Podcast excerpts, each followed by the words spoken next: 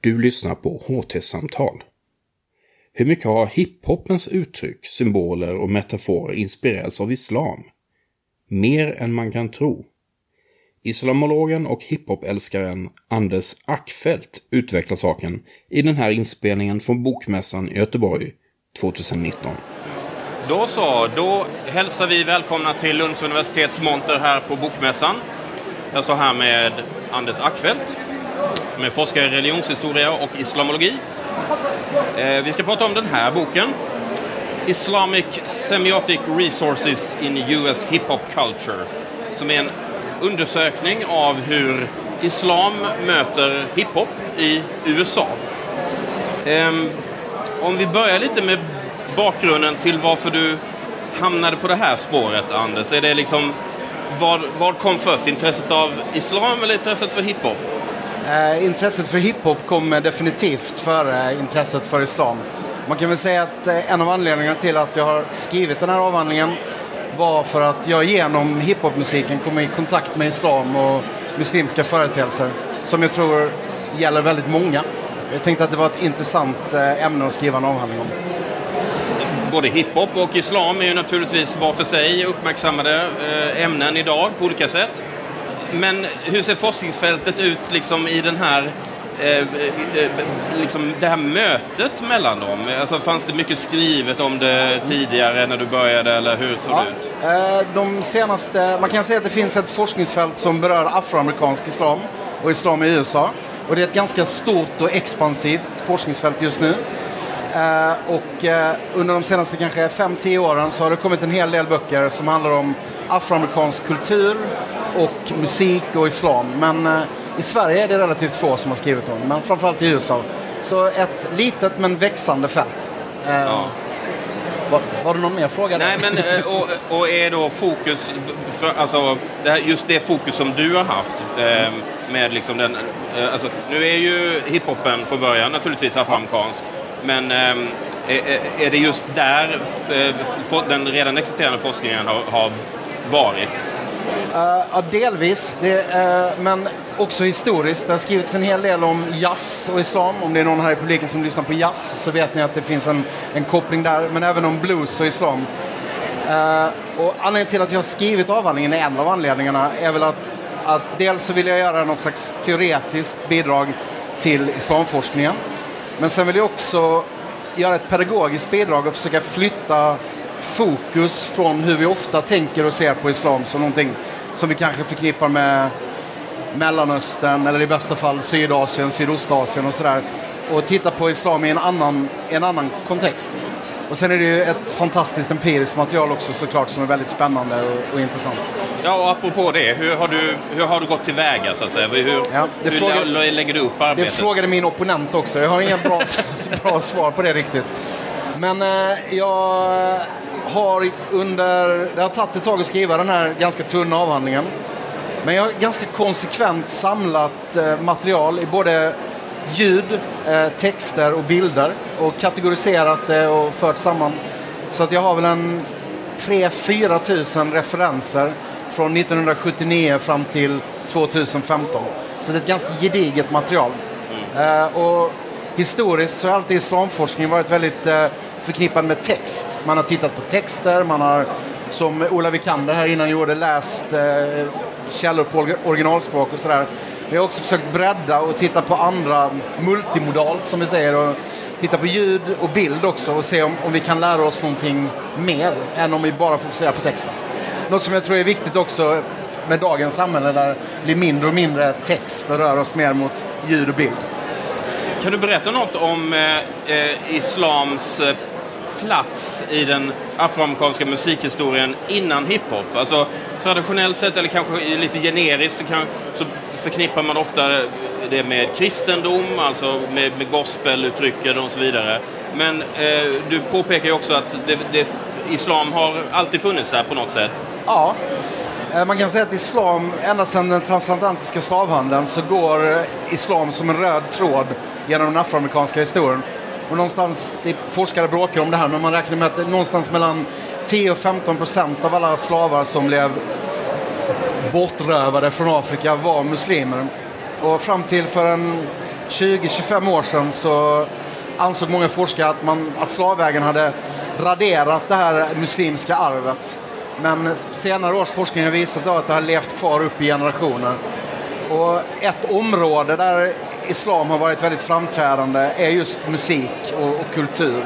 Så att man kan följa, eh, följa islam genom den afroamerikanska historien genom musiken. Vilket jag gör lite grann i avhandlingen som någon slags eh, bakgrund. Men, ja.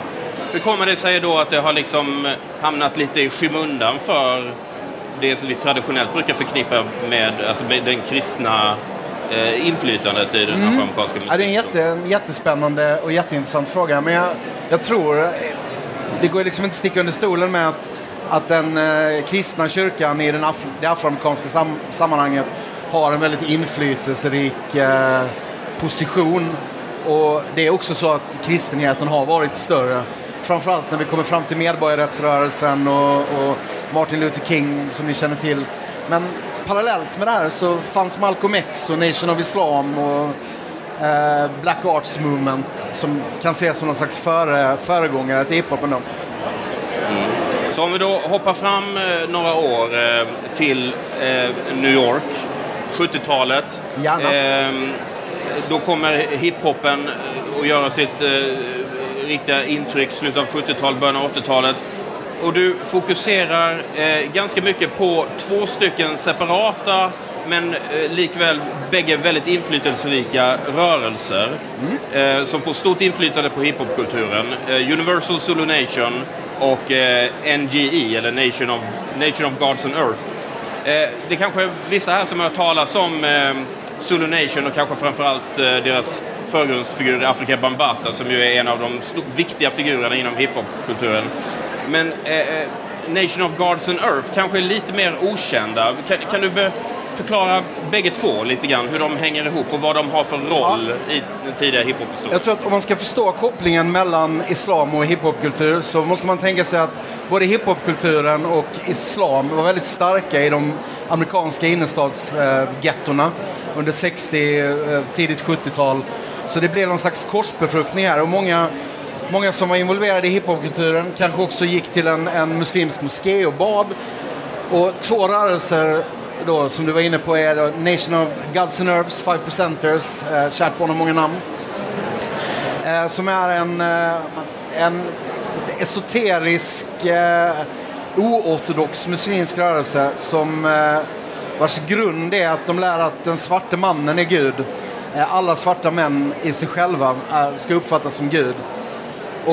Eh, han får då namnet Allah, för det handlar om han som står för arm, leg, leg, arm, head i den här mytologin.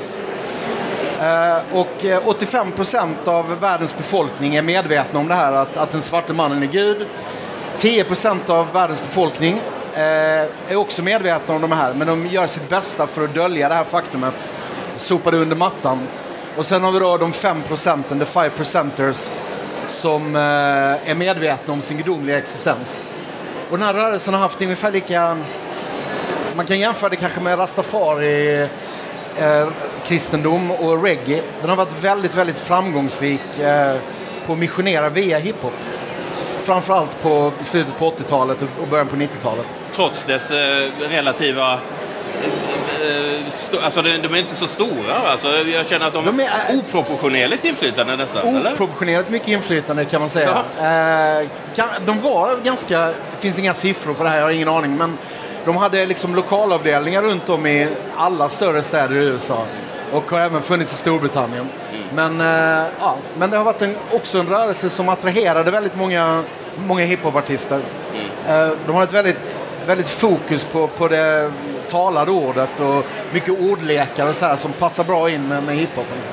Och sen Zulu Nation då som ju har något mer av en, vad ska vi säga, Eh, väldigt ungdomlig, eh, näst, känns som fritidsgårdsaktiga eh, verksamheter på ja. 70-talet, tidigt 80-tal. en väldigt bra beskrivning, en fritidsgård och liksom städa upp i de här innerstadsgattorna och få, få ungdomarna att göra någonting annat.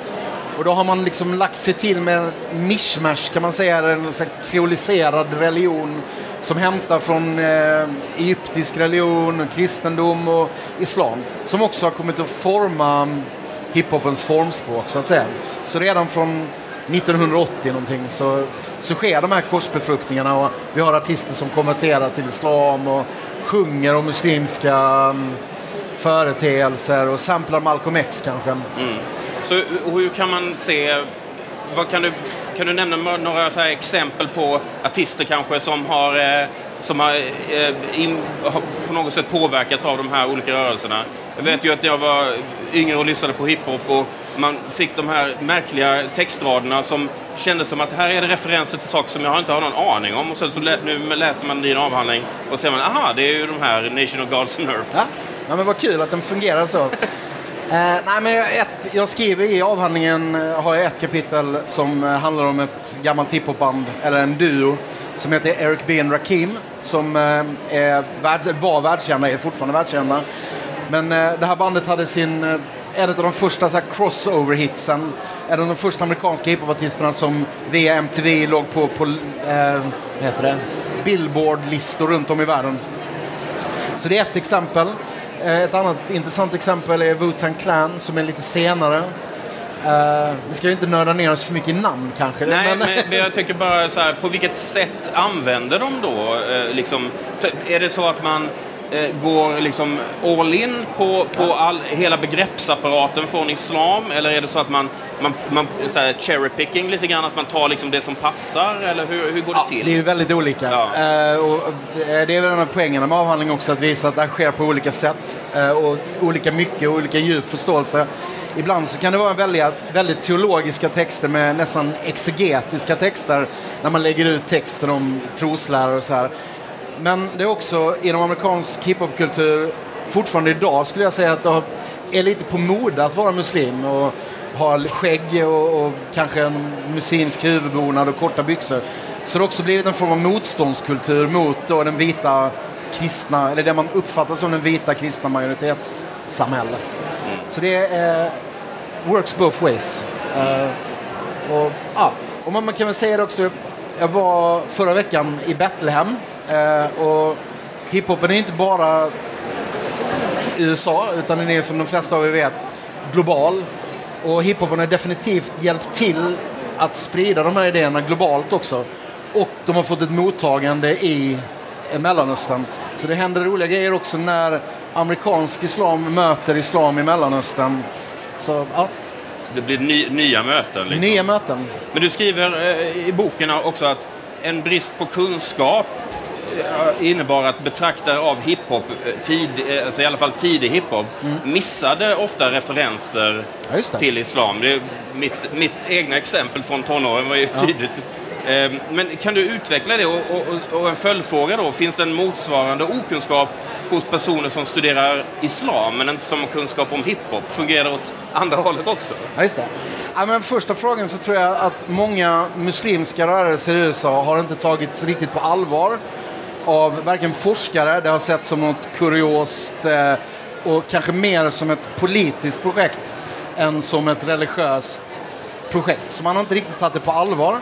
Och det är tydligt framförallt på, på 70 och 80-talet. Om man tittar på litteratur som rör Malcolm X till exempel, som kanske är den främsta symbolen för islam i USA, så är det väldigt sällan när man läser biografier och sådär som hans muslimska tro lyfts fram och hans muslimska budskap tas på allvar. Och det är först den, den senaste biografin som kom nu för några år sedan som de här frågorna lyft, lyfts upp och där man ser att, att islam faktiskt spelade en roll under medborgarrättsrörelsen. Mm. Eh, och vad den andra frågan ja, var... Det är om, om det funkar åt, andra ja, hållet. Alltså om folk som studerar islam men inte kan någonting om hiphop, missar ja. de motsvarande referenser? Eller du ja, det gör jag. Jo, men jag, nu är jag med. Ja, jo. det tar lite tid att koppla. Jo, men det tror jag. Jag tror att, att, att uh, många uh, humanister och statsvetare har svårt för att hantera religion när de möter det i, i ett material, i en empiri. Så absolut. Uh, och det är inte så många... Hiphopforskning är ett enormt fält i USA. Varje universitet har flera kurser och man kan läsa master i hiphop. Men också de senaste tre, fyra åren så har det kommit man har fått egna paneler på de stora konferenserna och så här. Så jag, jag tror att det är på uppgång. Ja. Avslutningsvis, du, du, den period som du främst undersöker i boken kallas ibland för hiphopens uh, gyllene ålder, alltså golden age. Um, det finns många exempel då på, på artister under den här perioden. Du skriver ju av naturliga skäl då inte lika mycket om eh, dagens hiphop. Hur ser det ut idag? Har du, ser du samma, är det samma typer av eh, inflytande där då? Eller ser du samma typer av inslag från islam i dagens hiphop? Det finns en anledning till att det kommer en del forskning om den här gyllene eran nu. För det är för att folk som är i vår ålder, även vi är väl ungefär lika gamla misstänker jag, har kommit upp och börjat disputera och göra... Eh, eh, men eh, jag skulle säga att absolut, det finns fortfarande kvar, även om det inte är lika dominant. Men det som skiljer är att vi ser i Sverige, till exempel här hemma, att islam börjar ta mer islam som någon slags befrielsereligion eller motståndsreligion börjar ta mer plats. Man börjar, man börjar till och med idag i Sverige prata om en muslimsk medborgarrättsrörelse och sådär. Så att, eh, ja, jag vet inte om det var svar på din fråga. Jo, men det tycker Ja. jag nog. Eh, Det får avsluta vårt samtal här. Anders, tack så hemskt mycket för att du kom hit. Tack själv.